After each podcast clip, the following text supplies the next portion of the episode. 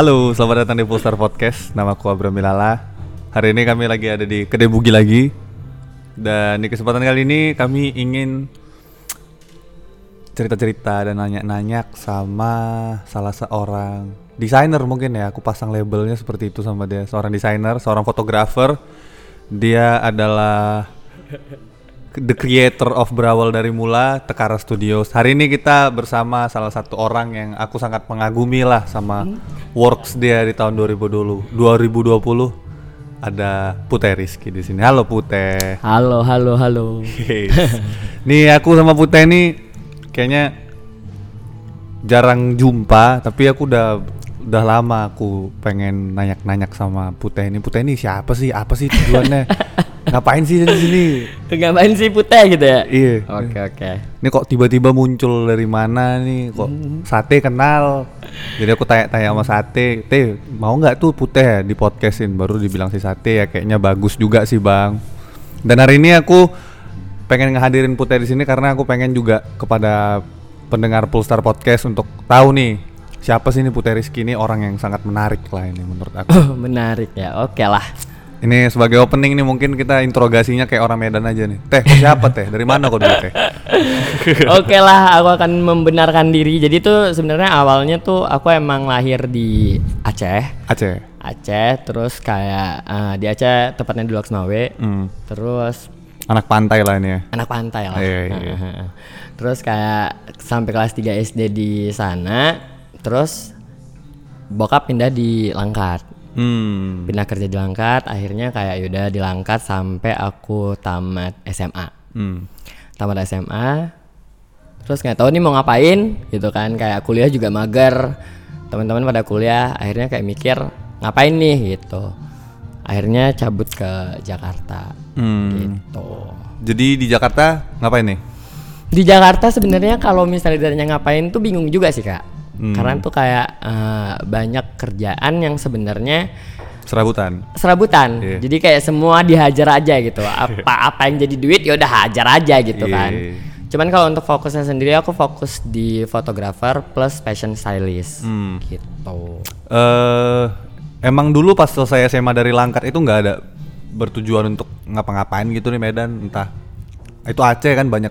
Sekarang rame tempat kopi nggak pengen buat tempat kopi gitu nih Medan. eh basic bisnis tuh nggak ada di aku gitu loh kak Oke, kayak oke. yuk jadi babu aja gitu Oh. nggak apa-apa gitu kan cuman balik lagi kenapa aku nggak nggak juga yang kayak ke kopi atau ke bisnis bisnis lain karena eh, dari si dari jadi gini dulu tuh waktu aku masih kecil aku di kelas eh, 3 SD dan akhirnya aku kelangkat itu nyokap akhirnya eh, ngerjain beberapa proyekan yang berkaitan sama fashion Hmm. gitu jadi kayak dia adalah salah satu penjahit tapi penjahit rumahan Hmm, hmm, hmm, hmm. terus kayak dari situ aku Kayak mulai kebaya-kebaya gitu ya. Ah, ah, ah, ah. dari situ aku mulai-mulai yang kayak tahu pola, aku tahu masalah jahit menjahit gitu-gitu deh intinya. Terus aku juga mulai merasa aku adalah seseorang yang pengen beda, bukan yang beda. Hmm. Jadi lebih ke pengen beda gitu. Jadi dari SD itu udah mulai yang kayak seragamku beda sendiri. Hmm. Terus kayak eh, apa namanya? Ini beda sendiri coba digambarin nih. Beda sendiri tuh misalnya kalau seragam SD itu biasanya kan atas putih, Merah. bawah merah. Iya. Terus aku tuh sering nambahin kayak pakai rompi, Oh. pakai shawl gitu-gitu. oh, Padahal oh, kayak oh, pakai shawl juga nyet nih Panas. Indonesia panas gitu, apalagi Medan gitu kan, Iya, iya, langkat lagi kota minyak. Oke, oke. Terus kayak aku nggak peduli gitu, cuman yang penting aku beda aja gitu. Tapi bukan beda karena beda, tapi emang pengen beda gitu. Hmm. Kayak gitu sih. Jadi ya, karena mama nih jadinya nyokap awalnya. pengen terjun-terjun ke dalam fashion nih. Mm, mm, mm, mm. Eh, terus eh, Putih siap itu di Langkat tuh ya. Iya, masih dilangkat. Itu kan aku inget nih, nggak Medan ya, mungkin Sumatera Utara tuh ya. Iya. Ini aku SD ngelihat ada anak pakai shawl gitu ke ke sekolah, pakai rompi itu Oke. kumaki sih.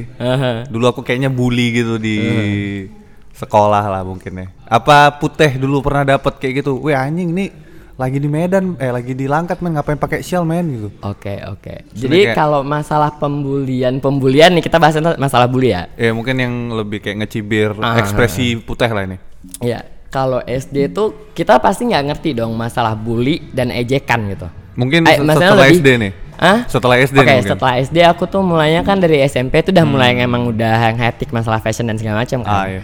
Terus di SMP mungkin gini kak, banyak orang yang kayak dia emang agak pengen kelihatan beda, Hmm. tapi dia untuk si urusan otaknya dia kurang gitu. Jadi kayak dia pengen tampil aja, tapi untuk masalah kayak eh, apa pendidikan segala macam dia kurang. Nah Hmm. untungnya aku ini lingkungan aku yang dari SD dan sampai ke SMP itu salah satu lingkungan yang sangat sangat membuka diri. Jadi kayak lebih ke kayak mereka tuh terserah deh apa yang mau Putih lakuin tuh terserah dan itu tuh dila- aku lakuin tuh dari dari SD gitu bahkan jadi ketika aku SMP tuh udah mulai yang kayak aku lebih bodoh amat lagi gitu nah untuk masalah bully mungkin yang aku pikirin tuh lebih ke kayak aku beda tapi aku bukan beda yang bodoh gitu Hmm. jadi kayak aku emang jadi tuh kalau misalnya dibilang ini mau sombong juga bukan bukan sombong lah istilahnya Iya, kayak iya, kayak iya. kayak cuman cerita Sharing aja. doang ah, cerita doang.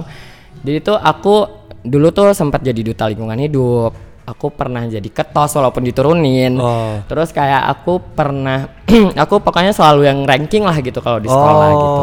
iya. Nah, untungnya tuh itu. Jadi kayak ketika aku mendapat cibiran orang-orang yang di dekat aku ataupun orang-orang yang di lingkungan aku yang dekat sama aku, Putih itu- tetap punya value. Heeh, jadi kayak mereka ketika mencibir nggak langsung gitu loh kak. Jadi Iya. kayak mereka mau cibir langsung takut yang lain pada nyerang juga Iya, gitu. iya, Jadi kayak iya. gitu. Nah untungnya sih itu gitu. Itu yang ngebuat aku jadinya kayak ya udah ketika aku ngelakuin sesuatu hal yang beda ataupun aku pengen beda orang udah nggak peduli gitu dari aku SMP. Tapi Putih sendiri pun tidak pernah melakukan self defense gitu lah misalnya tentang cibiran-cibiran yang datang ke Putih itu. Mhm, mhm. Itu katanya itu karena Putih bodoh amat atau pernah nggak sih nih terpikir gitu kayak anjing nih mulutnya nggak disekolahin nih.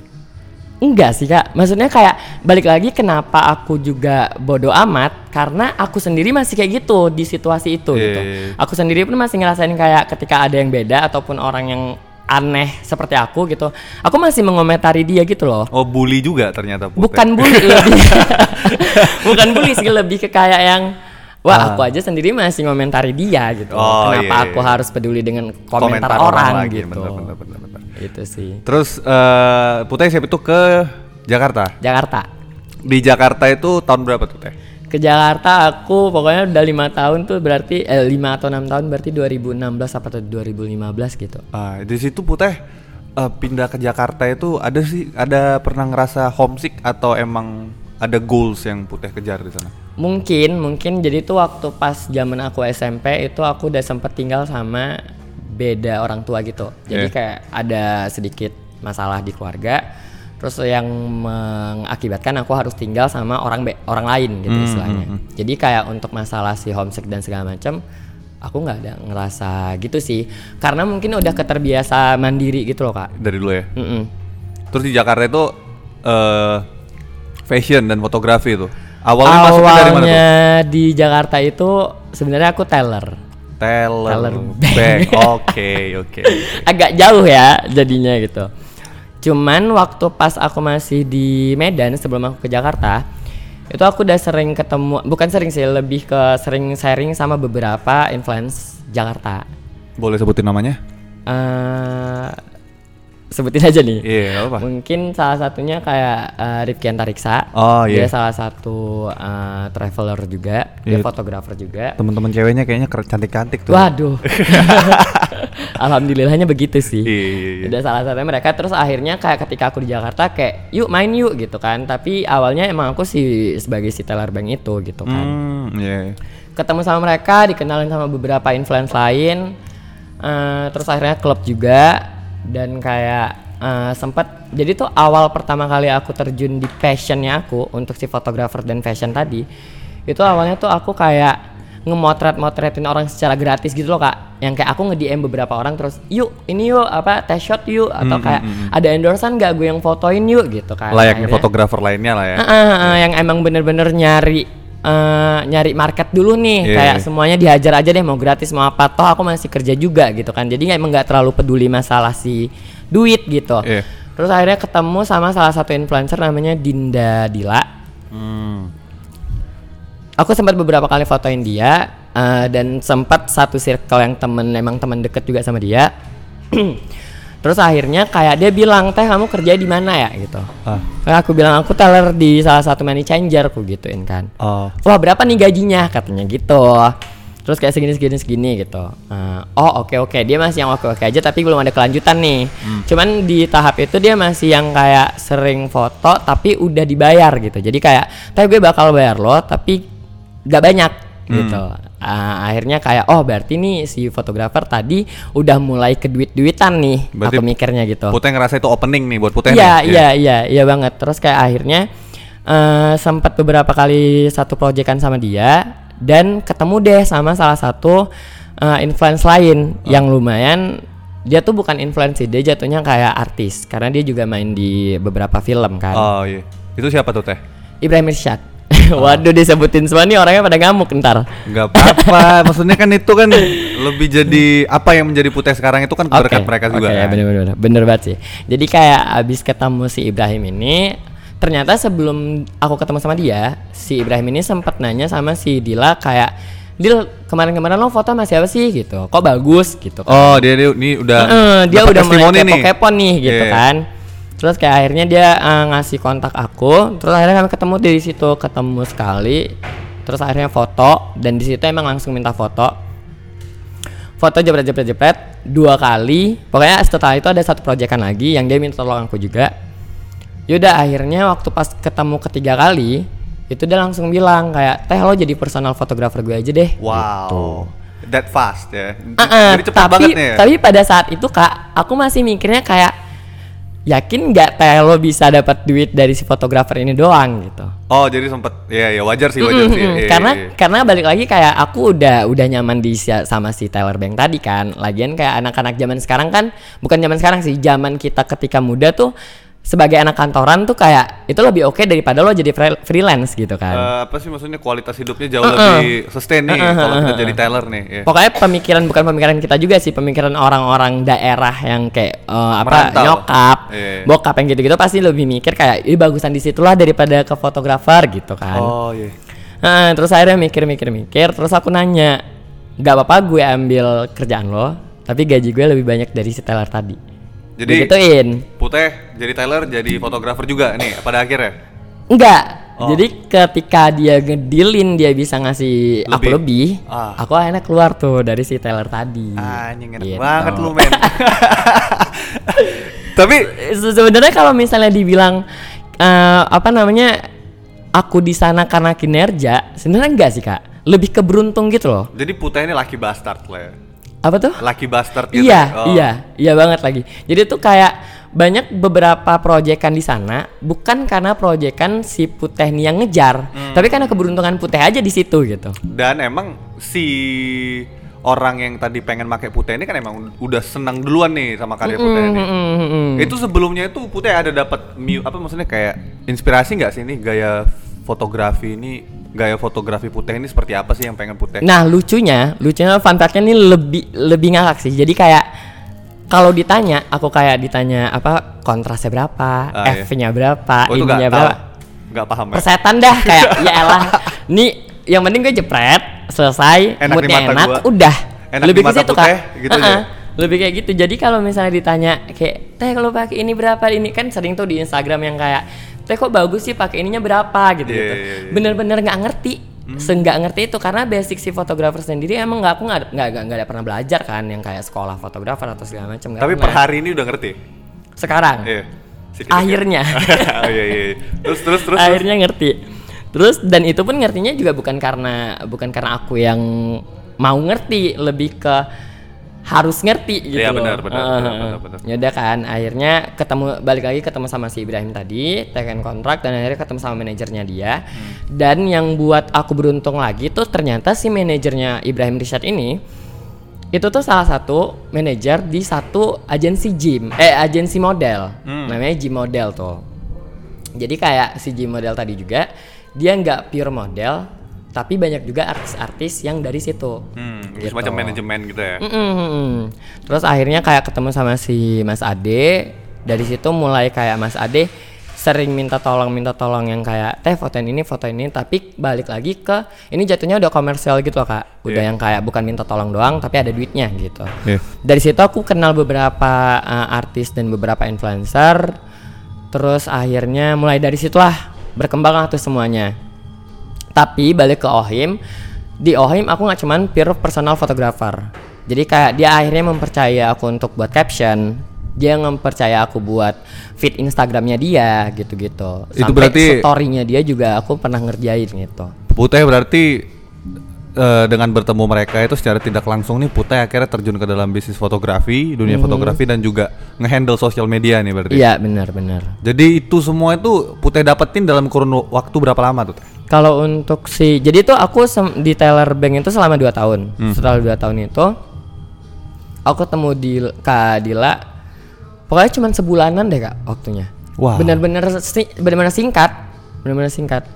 Putih ke dukun gak sih? Dukun tuh parah Nggak, sih. maksudnya kan untuk mendapatkan peruntungan di Jakarta seperti itu kayaknya susah banget tuh ya. Sebenarnya bukan susah. Nah, ini nih bedanya tuh eh, Jakarta sama Medan. Ah ya.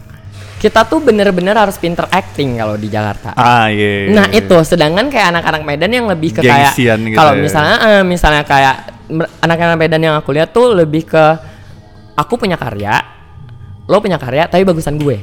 Ah. Sedangkan kayak orang-orang Jakarta tuh kayak mau dia sehebat apa pun, tapi kalau misalnya ada yang baru ngekarya tapi karyanya lebih bagus, itu lebih diapresiasi gitu loh. Hmm, hmm. Jadi mereka lebih senang melihat hal baru nih. ya, hal baru dibanding gitu. Ah. Apalagi nilai plusnya kan eh, si Putih tadi dia bukan cuman bisa si fotografer tapi dia bisa nge-mix and match beberapa pakaian gitu. Hmm. Itu keuntungan dari si beberapa influencer yang pernah kerja sama aku gitu. Oh, iya. Terus Putih siapa itu kan itu berarti Putih fotografi dengan juga mungkin ngefotografi fashion nih berarti ya fashion product Mhm, gitu ya. Fashion photographer. Nah ini kayaknya pertanyaan juga nih maksudnya Mhm. apa sih yang ngebuat nggak ngebuat sih maksudnya pendapat Putih nih pas Putih datang ke Jakarta Mhm. dan Putih siap itu mungkin kembali ke Medan fashion Jakarta dan Medan itu perbedaannya apa sih yang paling signifikan menurut Putih?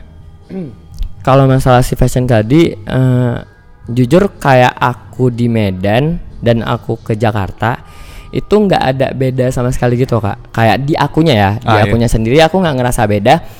Karena kalau misalnya aku aku ngerasa kayak di Jakarta tuh lebih lebih lebih tinggi si eh, fashion yang tadi daripada aku masih di Medan gitu. Toh aku digunain si otak fashionnya nih di sana, Ah, iya. ya kan? Iya, iya, benar, Jadi benar. otomatis kayak aku nggak ketinggalan ketinggalan kali kok gitu. Benar benar benar. benar. Ah, cuman kalau untuk yang membedakan mungkin lebih ke kayak di sana tuh orang udah ketika mereka nge cafe atau mereka kerja di cafe atau mereka kerja di eh, kerja di luar deh gitu. Mereka udah yang kayak all out aja untuk masalah pakaian. Hmm, gitu. iya, iya, iya. Karena menurut aku, jadi ada tem temen aku tuh pernah bilang kayak kenapa teh kita selalu harus eh, tampil eh, All out. tampil all out untuk Ekspresif gitu. apa pun ke mana pun gitu kan karena kayak ketika kita keluar hari ini kita nggak tahu nih kita bakal ketemu sama siapa Ah. ya kan Bener banget. kayak belum tentu kayak eh, eh, bisa jadi kayak ketika lo keluar dengan gaya lo yang se se, seoke lo gitu tiba-tiba lo ketemu sama siapa gitu ketemu sama orang yang emang terjun di dunia fashion akhirnya ngegayat lo jadi siapanya dia gitu. Iya, benar, jadi benar. kayak bener-bener kayak sebisa mungkin anak-anak Jakarta tuh emang mengoptimalkan pakaian mereka karena di Siapa sana tahu tuh- beruntung nih ya. Ah, ah, ah. Iya, iya, Jadi iya. kayak di sana tuh bener-bener yang kayak untuk industri kreatif mereka bener-bener yang setebar itu kak. Di mana-mana ada. Jadi kayak sebisa mungkin kita emang harus tampil oke gitu di sana. Itu mungkin, ya yang sangat berbeda sama Medan. yang sangat ya. berbeda sama Medan. Terus Putih di situ siap itu ke di Jakarta udah berapa lama nih Teh? Maksudnya eh, ikut ke dalam bisnis fotografi mungkin sama fashion gitu. Kalau untuk si fotografer dan fashion tadi dimulainya dari setelah aku yang dua tahun di Taylor tadi. Iya. Setelah itu baru itu full semuanya di uh, fashion dan fotografi. Nah, untungnya lagi tuh kayak aku sempet jadi setelah aku kerja sama si Ibrahim Rishad dan beberapa influencer lain ya, untuk si kerjaan si fotografer dan fashion tadi, terus setelah setahun aku di DM dari salah satu startup uh, di Jakarta. Ini startupnya terkenal nih.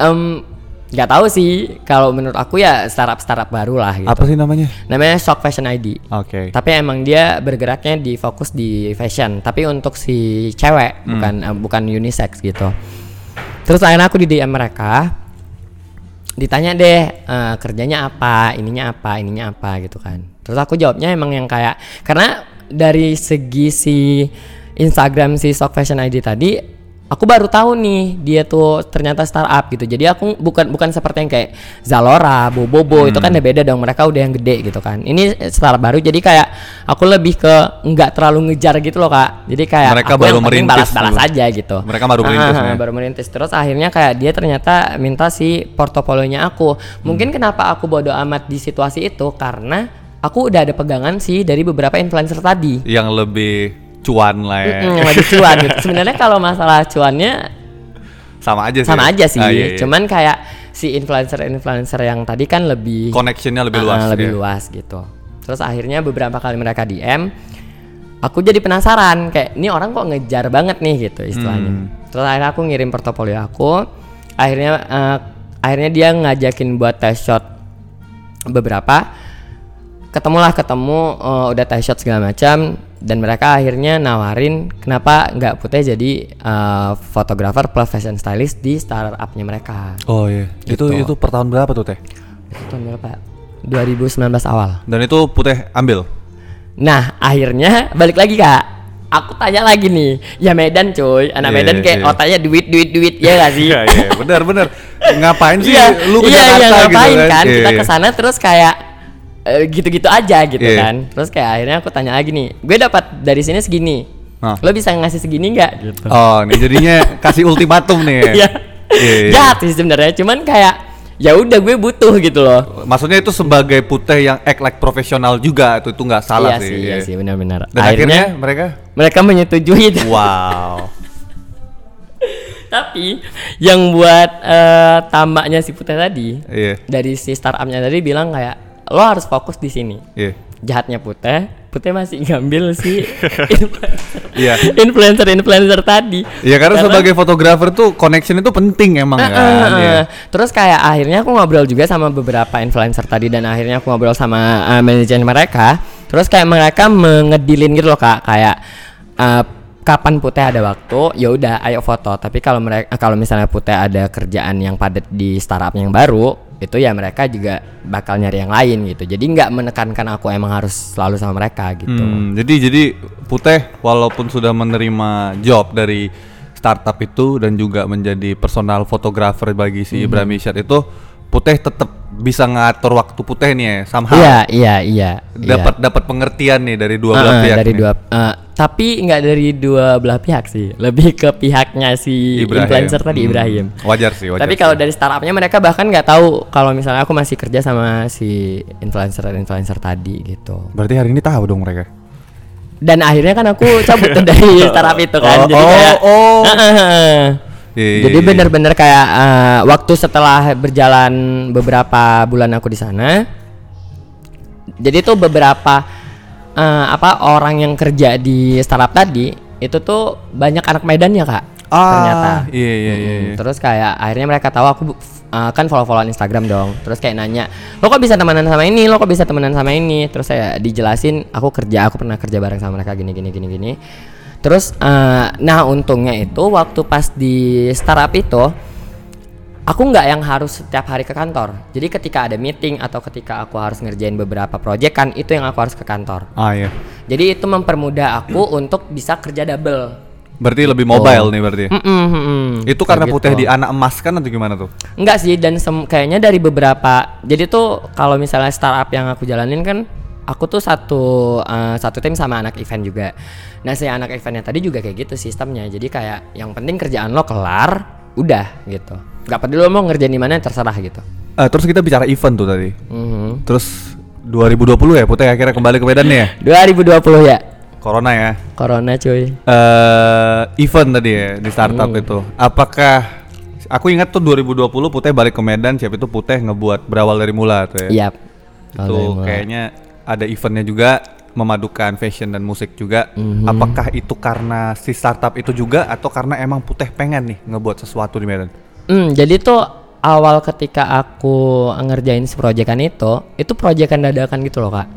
Jadi awalnya salah satu si itu tadi tempat eh, tempat kopi itu yang si Kata kata, teman teman, tadi, kayak bilang sama salah satu teman aku kayak ini ada tempat terserah deh lo mau ngapain yang penting nih tempat terisi gitu Iya. Kayaknya Terus 2020 semua tempat di Medan tuh kayak gitu, kayak gitu sih ya kayaknya. kayak perkara apa tuh kalau boleh tahu Waduh, kayaknya sih ya? karena karena apa ya? Karena mereka nggak tahu nih mau ngapain Oh, mungkin ya, iya. atau mungkin karena putih, mereka juga ngejar putih nih mungkin. kan, Waduh, waduh. Mohon maaf kan saya baru, Pak. Mereka juga belum tahu saya. Jadi Iya. kayak akhirnya mereka ketemu sama teman saya dan kayak dia bilang terserah yang tadi yang terserah mau buat apa, yang penting ini tempat keisi gitu lah, bebas mau ngapain aja. Terus kayak teman aku itu tahu ternyata aku sekarang lagi di Medan gitu kan. Dia akhirnya nge-nelpon aku kayak, "Teh yuk buat sesuatu yuk di sini." Karena teman-teman teman-teman aku tuh bilangnya kayak kita buka usaha makan aja di sini kata gitu kayak si temen aku yang ngajakin aku ini dia tahu porsi aku di eh, masalah si fashion dan fotografer tadi lumayan lumayan ngerti lah gitu Iya, kan. Portofolio juga udah Ah, banyak. ah, jadi kayak dia mikir aku nih bakal bakal bakal bisa ngasih sesuatu di sini gitu Hmm, kan. hmm, terus hmm, akhirnya kayak yaudah yuk ketemu dulu deh kita ngobrolin dulu gimana enaknya gitu. Itu awal bulan sekitaran bulan-bulan 8 awal pertama kali aku ke balik ke Medan. Medan gitu bulan 8 ketemu dan akhirnya eh, aku masih mikir dua kali karena aku emang waktu pas balik ke Jakarta itu bukan perkara cuman corona kak.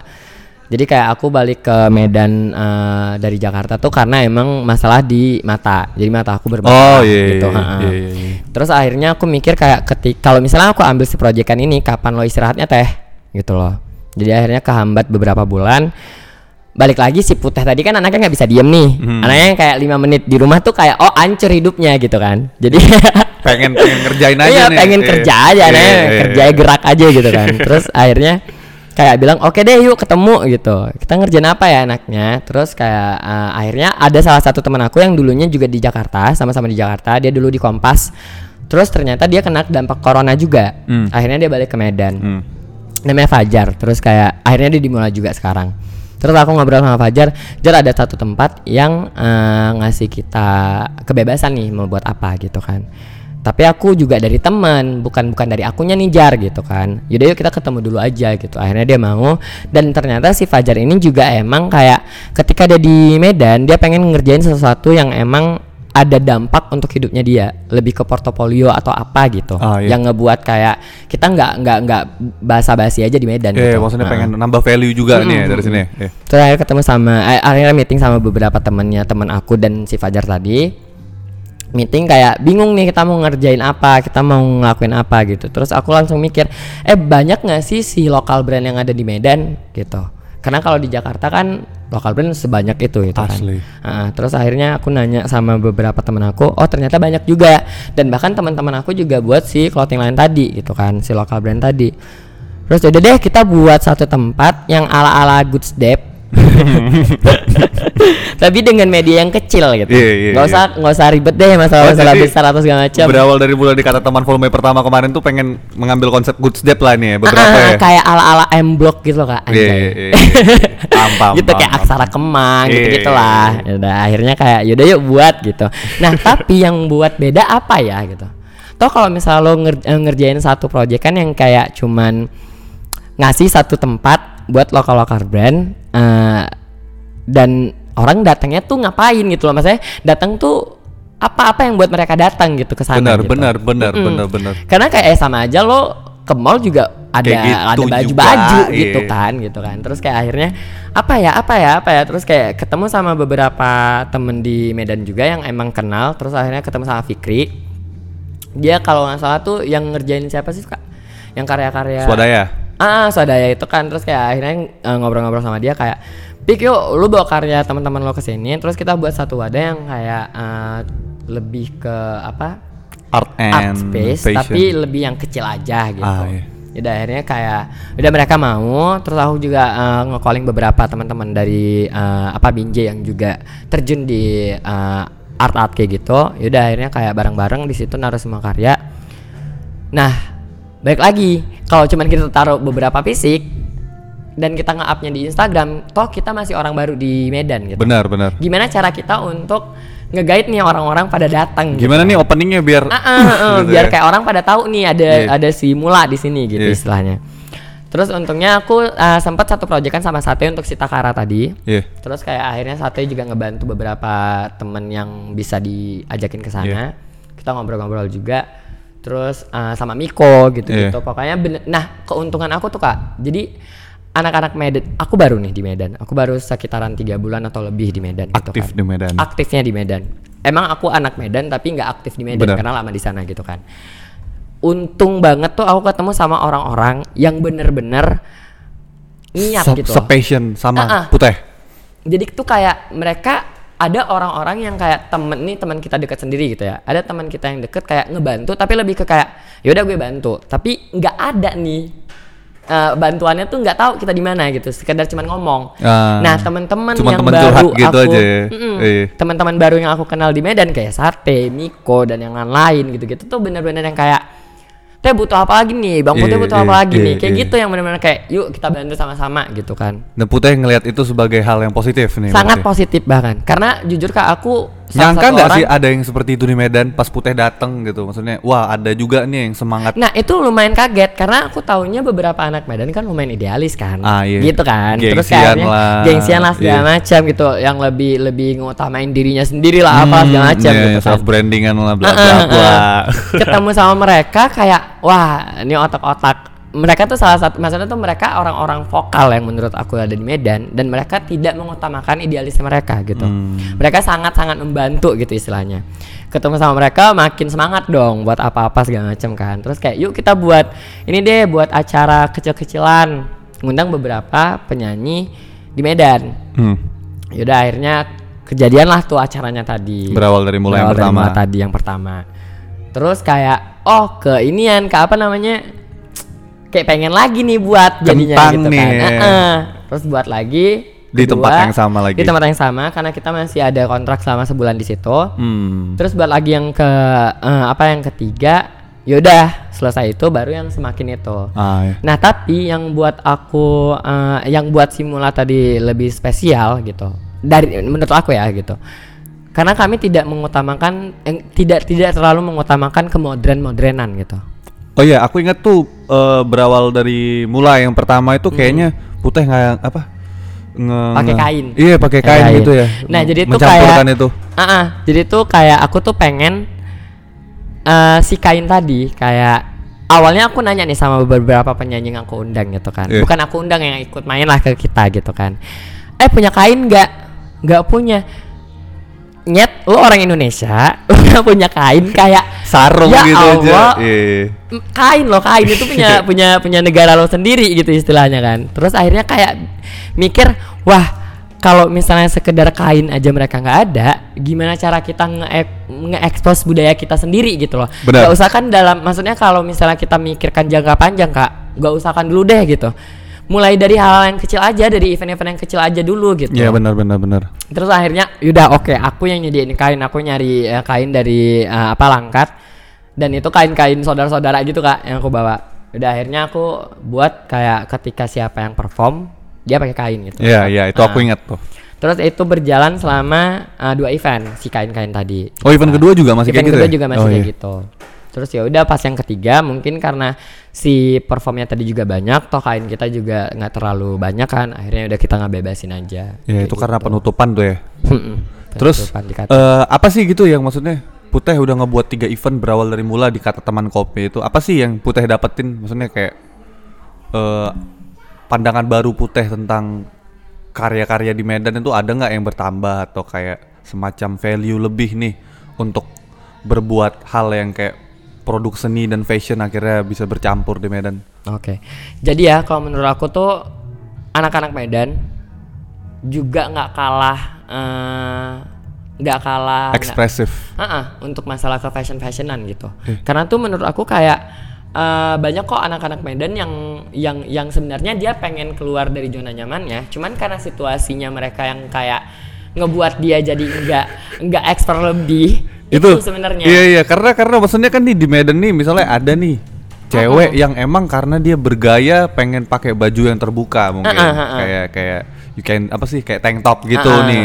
Mereka hanya ngopi pakai tank top tapi eh, fenomenanya itu di Medan tuh banyak orang yang laki-laki yang ngecibir nih anjing nih mau jadi lonte Ah, nggak?" gitu ah, kayak gitu-gitu terus ada laki kan. ada laki-laki yang pakai baju pink terus dia bakal Hmm. dikatain bencong ya bang gitu kan ah, Ah, iya ah, mungkin ah. karena itu ya putih lihat Nah, ya mungkin gini kak, jadi kan kenapa aku ngebuat si acara itu kita makainya bareng-bareng? Hmm. Karena ketika ada lima orang aja yang beda, itu nggak bakal jadi bahan Benar. ledekan. Benar, benar banget. Tapi kalau jadi satu atau dua, itu udah bakal yang kayak wah ini orang orang gila nih gitu kan. Iya, itu bener Tapi kalau lima, jadi kayak orang wah ini rame dan dan dan kayak impactnya lebih ke wah ini orang orang keren iya asli gitu. Dan maksudnya itu yang aku temukan maksudnya setelah sekian lama nih 2020 Mhm. minim acara akhirnya Putih kemarin buat di semakin Mm-mm, mencampurkan budaya Jepun Jepun gitu Mm-mm, kan. mm-mm. Dan akhirnya di situ aku ngeliat anjing nih banyak banget nih yang orang-orang Medan Iya, ekspresif. ternyata kan, Iya. ternyata kan setelah itu. Nah, kenapa aku juga buat di situ aku mengundang beberapa uh, Fashion influence- enthusiast. uh, uh, fashion enthusiast lah kita bilang gitu kan. Yang emang mereka se fashion itu gitu. Dan aku ngeterapin sama mereka ketika aku ngundang mereka kayak lo pakai baju yang seaneh-anehnya aja. Iya benar. terserah deh lo mau ngapain apa pun mau kayak pakai ini pakai itu pakai ini terserah. Yang penting lo datang lo aneh gitu. Lo lo emang lo banget deh benar, gitu. benar, benar. karena gini aku ngundang eh, kan aku ngundang tuh ada sekitaran 15 Hmm. dan untungnya mereka mengiyakan apa yang aku bilang. Hmm. jadi ketika mereka datang itu udah nggak jadi aneh lagi kak Benar. itu udah jadi yang kayak, Iya, kayak- kayak- wah ini emang acaranya mereka Iya, jadinya gitu. pas aku datang itu kemarin kayak aku expectnya jadi kayak gitu tuh. Anjing nih fashion aneh seperti apa ya yang bakal aku dapetin ya di semakin Nah, kopi ntar. jadinya pemikiran-pemikiran orang awam jadi bukan memikirkan kayak ngejudge dia tapi lebih ngelihat kayak wah berarti gue bisa buat kayak gini juga Iya, gitu kan iya, maksudnya benar, yang benar. kita ambil gitu kan Benar, benar. nah benar. itu itu yang ngebuat aku kayak eh, pengen lagi pengen lagi ngebuat sesuatu sesuatu yang eh, menurut aku emang harus diterapin di Medan gitu. Benar benar benar. Jadi kayak eh, apa ya kalau aku juga ngerasa berpendapat itu kayak confidence itu juga kayaknya di Medan ini perlu di kon- tekankan gitu. Iya, iya, kayak kayak apa sih namanya kepercayaan diri Anda Kepercayaan untuk diri. mengekspresikan diri itu kayaknya harus dibuat di Medan tuh. Karena aku juga ngerasa banyak orang yang di sekitaran aku yang punya apa sih ya keinginan untuk bergaya seekspresif mungkin gitu Mhm. ya sebebas mungkin tanpa harus ada judge kayak gitu mungkin mental mereka yang nggak sesiap putih mungkin teh apa sih gitu menurut putih Sebenarnya kalau misalnya mental tuh kayak dari dari gini, ketika lo ngerasa pengen lo beda, maksudnya ketika lo ngerasa lo pengen sesuatu eh, ngelakuin sesuatu hal yang beda gitu. Hmm. Itu berarti mental lo udah ada dong. benar Ya kan? Cuman cara kita mengeksekusinya Benar, gimana? benar, benar. Gitu kan. Nah, itu balik lagi ke personalnya. Nah, ada orang yang beberapa orang yang nge-explore dirinya secara luas di media sosial, tapi mereka nggak mengekspos dirinya eh, mengekspos dirinya luas ketika mereka keluar dari si media sosial tadi, maksudnya Benar, dari benar, kesehari-harian gitu. eh Nah itu yang ngebuat uh, ada beberapa orang yang jadi tuh ada perbedaan-perbedaan itu loh kak. Jadi ada beberapa orang yang emang dia pengen nunjukin kalau misalnya dirinya beda di media sosial dan di real kehidupannya. Itu ada banget. juga, uh, uh, ada Iya, juga orang iya. yang ngerasa kayak ah gue gue gue pengen ngelihat ngeliatin orang tuh gue beda di media sosial aja. Iya, iya, Tapi ada. aslinya kayak yaudah deh biasa-biasa aja. Iya, bener, Kayak gitu. bener. Itu bener itu, banget, Teh. Itu yang ngebuat ada beberapa beberapa kelompok lah gitu yang kita bilang emang kayak gitu sistemnya. iya sih maksudnya kayak banyak kebanyakan mungkin ya yang dia keren nih hanya di media sosial doang, Ah, ah, friend gitu. Maksudnya ah, ah. kayak secara asli itu dia tidak bergaya seperti itu bahkan Ah, gitu. Itu sih yang kayaknya yang banyak mungkin yang aku lihat di Medan. Tapi Hmm. di acara putih kemarin itu ya emang wow gitu. Maksudnya model-model thank you, thank you. Itu tapi keren ya, banget. Tapi ya kak, maksudnya setelah nggak tahu ini entah aku doang yang eh, mandang kayak gini atau orang juga mandang kayak gitu.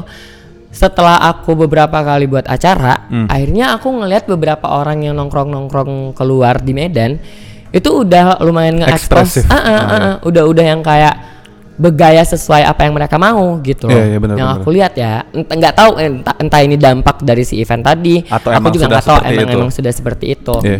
Dan kita balik lagi ke ngambil sisi positifnya aja, maksudnya kayak oh toh berarti anak-anak Medan udah nggak yang kayak takut untuk ngelakuin Benar sesuatu banget, gitu. benar banget. Ya itu sih sebenarnya kayaknya poin plusnya di acara Iya. putih itu kemarin Uh, uh, uh. lebih ke confidence is a key gitu kan. Mm, mm, mm, mm. Terus kemarin itu kita terlibat di satu acara tuh teh, Iya bener lagi. kolektif kolegial tuh. iya, itu acara Sa- keren juga sih. Keren banget sih, Keren asli. sih. Dan kerennya lagi lama nih ya kayaknya musik-musik indie-indie yang skena-skena Mhm. gitu berkolaborasi dengan seorang fashion stylist gitu. Dan kemarin itu aku aku sebagai orang yang udah lama gitu yang ngikutin brand domain ya. Ah, ah, ah. aku tahu aku tahu orang-orang yang terlibat di dalam domain dan ini maaf ya kepada Bang Jere dan teman-teman.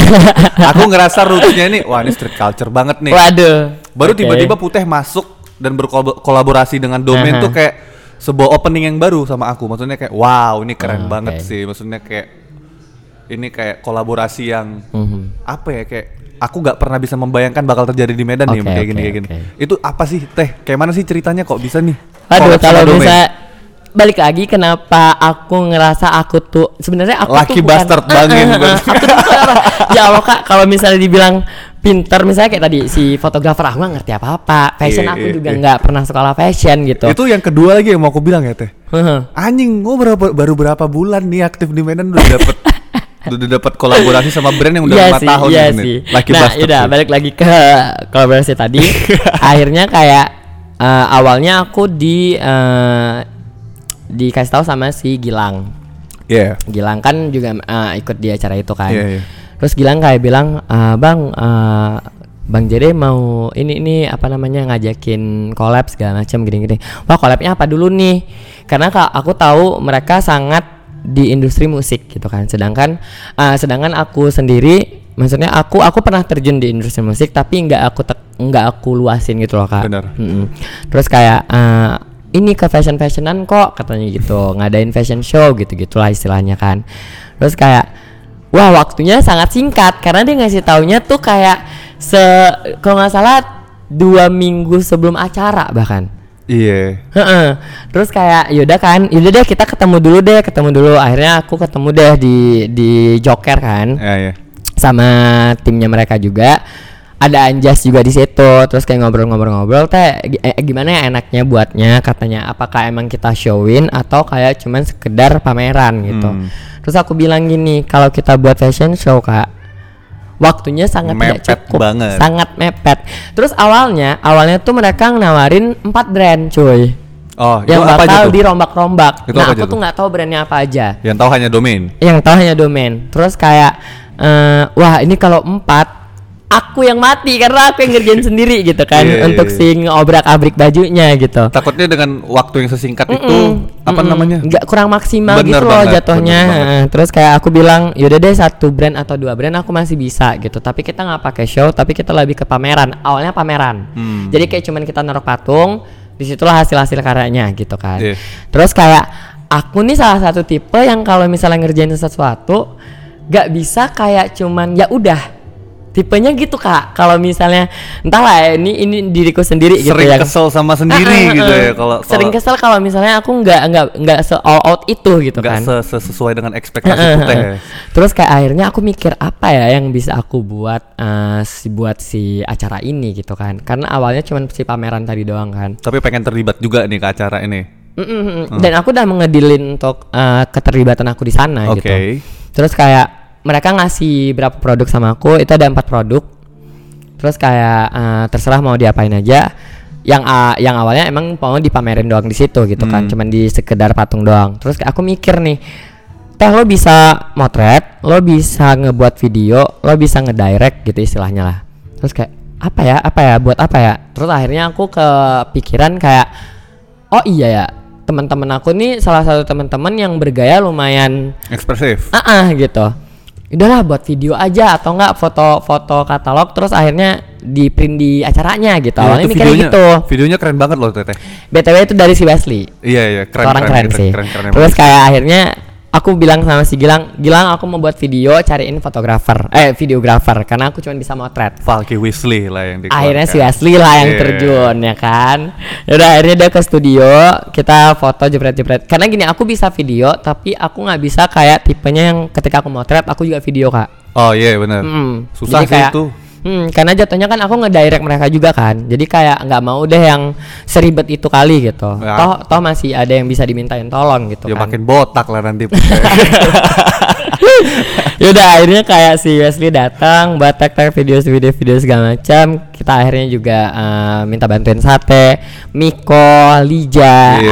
Anjas gitu kan. Dan mereka juga orang-orang vokal yang ada di Medan gitu. Terus kayak wah seru deh seru waktu di hari itu. Deng acara yang mau selesai, eh acara yang udah udah udah Mau deket. mau dekat, videonya udah kelar, ya udahlah terjadi acara tadi. Mm. Dan itu apa ya? Hal yang baru mungkin bagi aku ya. Mungkin Aha. anda itu tidak corona, aku yakin tuh audiens yang bisa kita dapetin di hari itu kayaknya jauh lebih besar. Jauh lebih besar ya. Bener banget tuh. Tapi itu udah lumayan rame juga sih.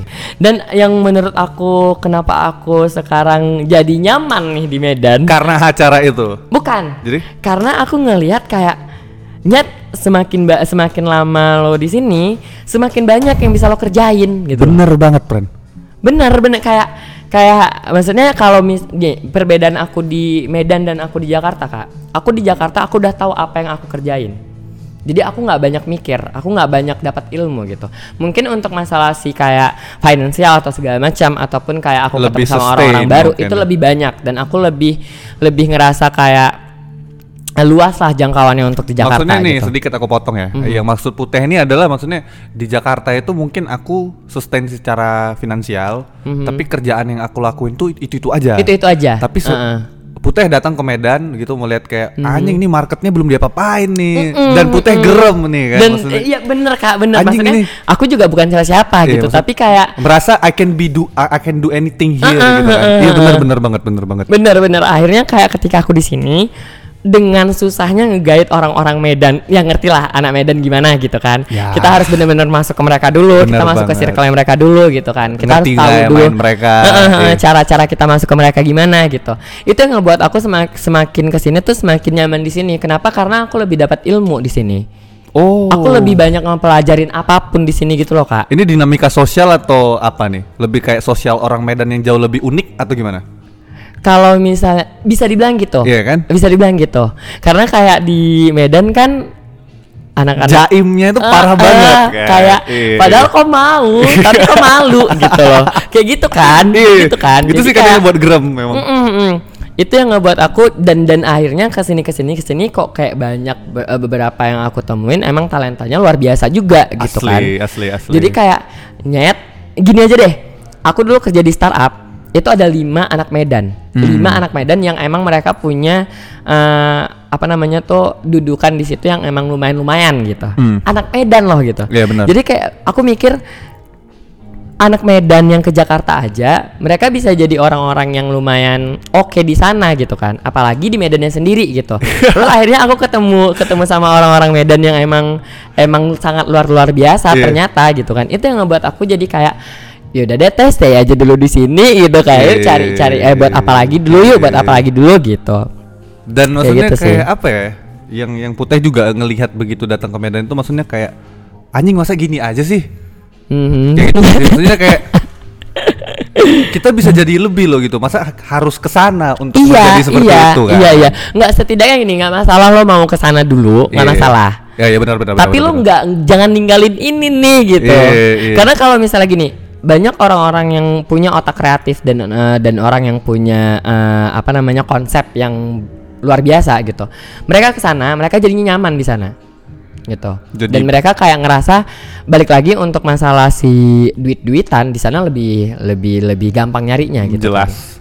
Nah, tapi halal itu yang ngebuat si Medan tadi jadi kayak gak Terlupakan. up, up terus Iya, gitu. Karena orang-orang yang luar biasanya pada cabut gitu loh. Bener banget. Heeh. Nah, jadi tuh kayak di sini saya aku aku sendiri juga bukan orang-orang luar Iya. biasa, tapi kayak yang Believe. Lebih percaya gitu, heeh, percayalah sama sama apa yang aku buat gitu kan. Terus kayak aku mikir ya udah deh di sini dulu dan teman-teman juga pada ngedukung. Terus Iya. kayak mikir ke sini ke sini bak makin banyak yang aku temui yang emang sebenarnya porsinya sama aja sebenarnya di Jakarta. Bener banget. Porsinya tuh sama aja sebenarnya di Jakarta. Dan, dan Cuman keu- keuntungannya juga di Medan ini ke mana-mana deket friend Mm, gitu kan. mm. Apalagi dengan masalah corona kayak gini kayak Medan masih masih yang kayak oh masih mondar mandir gitu kan. ya udahlah. Eh, gitu. kan. Terus kayak ya udah akhirnya kayak mikir udah deh tes stay dulu di sini sampai bener-bener kok kok puas sama apa yang kok Benar benar gitu. bagus bagus teh. Kayak gitu bang. Apa sih maksudnya sukses lah teh apa sama apa pun nih proyekan yang mau Putih jalanin. Di Medan aku yakin sih orang bakal sangat antusias nih dengan apa pun yang Amin Putih sih, amin nih. sih. asal ada aja nih yang ngeblow up nih. Apa Amin, nih yang amin. lakuin dilakuin Putih nih hari ini ya?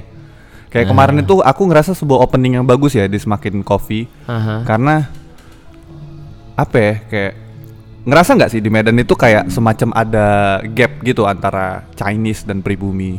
Nah itu itu bener banget itu bener banget jadi kayak nah waktu pas aku kemarin ke Medan akhirnya kan aku gabung juga nih beberapa bulan sama tim Dabu dan emang pure aku sendiri yang Indo gitu Iya. yang lainnya Chinese Terus gitu aku di maksudnya dalam takaran fashion Mhm. mungkin ya.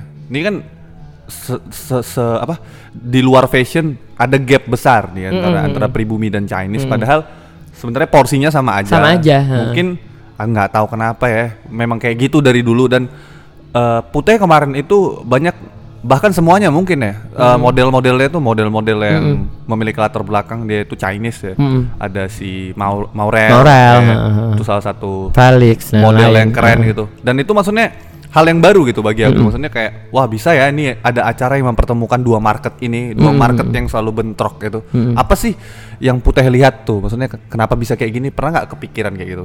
mungkin balik lagi kenapa aku udah keterbiasa sama orang-orang heeh, orang-orang beda beda apa sih namanya tuh beda ras, Ras, lah kita ah, iya, bilang iya. Sama aku mungkin karena di Jakarta aku juga kayak gitu kak di sana tuh bener-bener yang kayak nggak peduliin lo Bener, siapa bener, apa segala bener, macam bener gitu banget, bener terus banget. akhirnya aku ke sini dan ketemu sama mereka yang ternyata mereka juga sering eh, jadi tuh yang buat aku kaget juga anak-anak yang kemarin di eh, runway itu bener-bener anak-anak yang pernah terjun di Jakarta Fashion Week. Oh, wow. Heeh, jadi kayak Wow, menurut wow. aku dengan mereka cara cara mereka mau untuk ikut serta di situ aja itu udah berarti kita udah bisa mandang kayak orang-orang yang pernah keluar yang emang rasnya kita bilang Chinese deh maaf gitu ya dan keluar ke sini tuh udah bener-bener yang juga sama ngebodo amatin masalah ras. Bener banget, bener banget. Itu sih mungkin yang kayaknya yang buat agak susah nih untuk Mm, mm, mm. untuk mencampurkan konsep di Medan ini. Iya iya. Ada idealis seperti itu. Iya bener. Nah untungnya tadi kayak orang-orang yang ikut serta di acara kemarin itu emang orang-orang yang pernah tinggal di Jakarta. Hmm, Jadi kayak aku lebih ngecara, open-minded eh, eh, aja ya. ngecara itunya lebih lebih gampang lah gitu. Ah, iya. Kayak Terus gitu. ini sih teh per apa sih? Pertanyaan terakhir mungkin ya. Oke, dan Akhirnya terakhir, nih. akhirnya. Udah seru banget ya tadi. Eh Putih, apa sih nih harapan dan goals Putih atau pesan Putih nih terhadap orang Medan mungkin atau apa yang Putih kejar tahun 2021 bisa nggak Putih utarain? Oke, kalau untuk yang dikejar 2021, Hmm. jadi kan dulu waktu pas zaman aku masih kecil, aku emang eh, niatnya pengen jadi penyanyi kan nggak? iya iya iya iya. Kemarin di di di, di acara semak eh, di acara berawal dari mula pertama Putih nyanyi juga. tuh. Eh, Iya. Terus kayak jadi tuh eh, kayaknya pengennya buat lagu mungkin atau apa di 2021 pengennya. Hmm. Mudah-mudahan amin. Amin amin amin. Terus kayak untuk si apa goalsnya sendiri aku nggak punya target kayak gitu dari dulu tuh udah aku nggak pernah nggak pernah punya target kayak lo mau jadi apa nggak Tapi pengen buat aja lah ini yang penting selalu Mm-mm, ngebuat yang lah penting ya. udah deh ajar aja gitu apa Iya. yang ada di depan Jangan mata udah yuk gitu Iya, iya. nggak yang kayak tipe orang harus menargetkan ini itu ini enggak nggak yang kayak gitu Eh, kalau pesannya nih untuk orang Medan nih. pesan tuh kayak apa ya Pesan untuk Dara dan Sate yang baru saja membuka pintu lah. waduh halo halo jadi kalau untuk pesan anak-anak Medan sendiri gimana bilangnya kayak Mungkin fashion lah ini. untuk ke fashion ya untuk ke fashion lebih ke udahlah bodo amat aja udah itu nggak usah peduliin lah orang mau bilang apa Hmm. kalau ekspresikan. nyaman lo apa namanya pede sama apa yang lo pakai udah Bener banget. dan nah jadi tuh aku tuh salah satu tipe orang yang sangat benci dikomentari masalah aku hari ini pakai apa. Karena gini kak karena gini. Uh, karena kayak aku tuh salah satu tipe orang yang ketika aku mau keluar aku udah mikirin nih aku hari ini pakai ini pakai ini Iya, pakai ini gitu. iya. tiba-tibanya keluar terus dikomentari ih sana lo jelek. Ah, nyet aku nih mikirin ini seminggu gitu loh.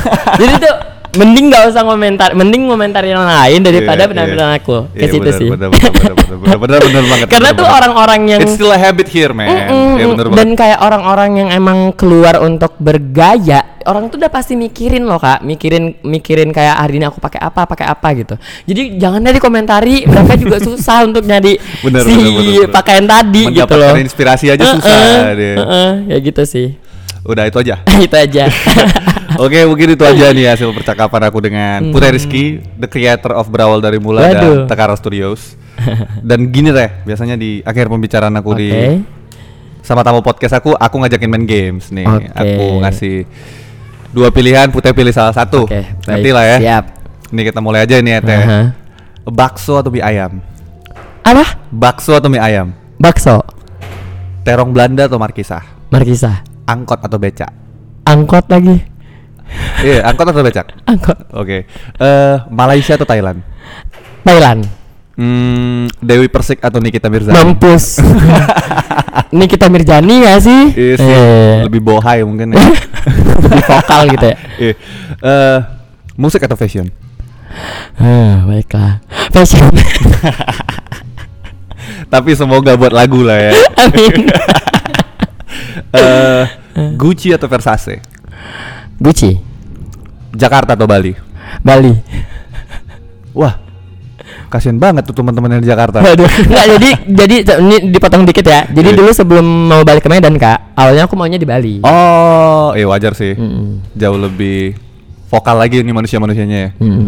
Eh, nih, pertanyaan ke-9 nih. Jadi anggota DPR atau jadi pengacara? Pengacara lah. Ini pertanyaan terakhir teh. Oke. Dipeluk kuntilanak atau meluk pocong? Di peluk kuntilanak soalnya udah pernah. Wah itu nanti ceritanya off the record aja ya. Oke oke. Kayaknya seru. Mungkin itu aja untuk teman-teman yang udah dengerin nih apa yang udah kami bicarain sama Putih. Jadi Putih ini adalah orang yang merasa Medan ini lebih dari ini. Maksudnya Iya. Hmm. asal confidence itu tetap diutamain dan kalian nggak cuman keren di sosmed aja karena Iya benar. keren di sosmed buat apa gitu. Maksudnya dia influencer tapi juga ngambil fit dari Pinterest gitu buat apa. Waduh, gitu. waduh, waduh, waduh, waduh. Banyak nih, banyak nih. Terus eh, mungkin untuk teman-teman yang ngerasa eh, butuh seorang fashion stylist mungkin fotografer atau orang yang ngedirect video nih, ada orang yang sudah melalang buana lama nih, yang udah punya value besar bernama Putih Rizky yang kembali ke Medan untuk waktu yang belum ditentukan. Ada yang mau Putih tambahin kah? Nggak ada, udah cukup. Oke, mungkin itu aja. Semoga teman-teman senang dengan hasil pembicaraan kali ini dan kami akan bercerita tentang dipeluk kuntilanak tadi dan terima kasih sudah mendengarkan Pulstar Podcast. Thank you.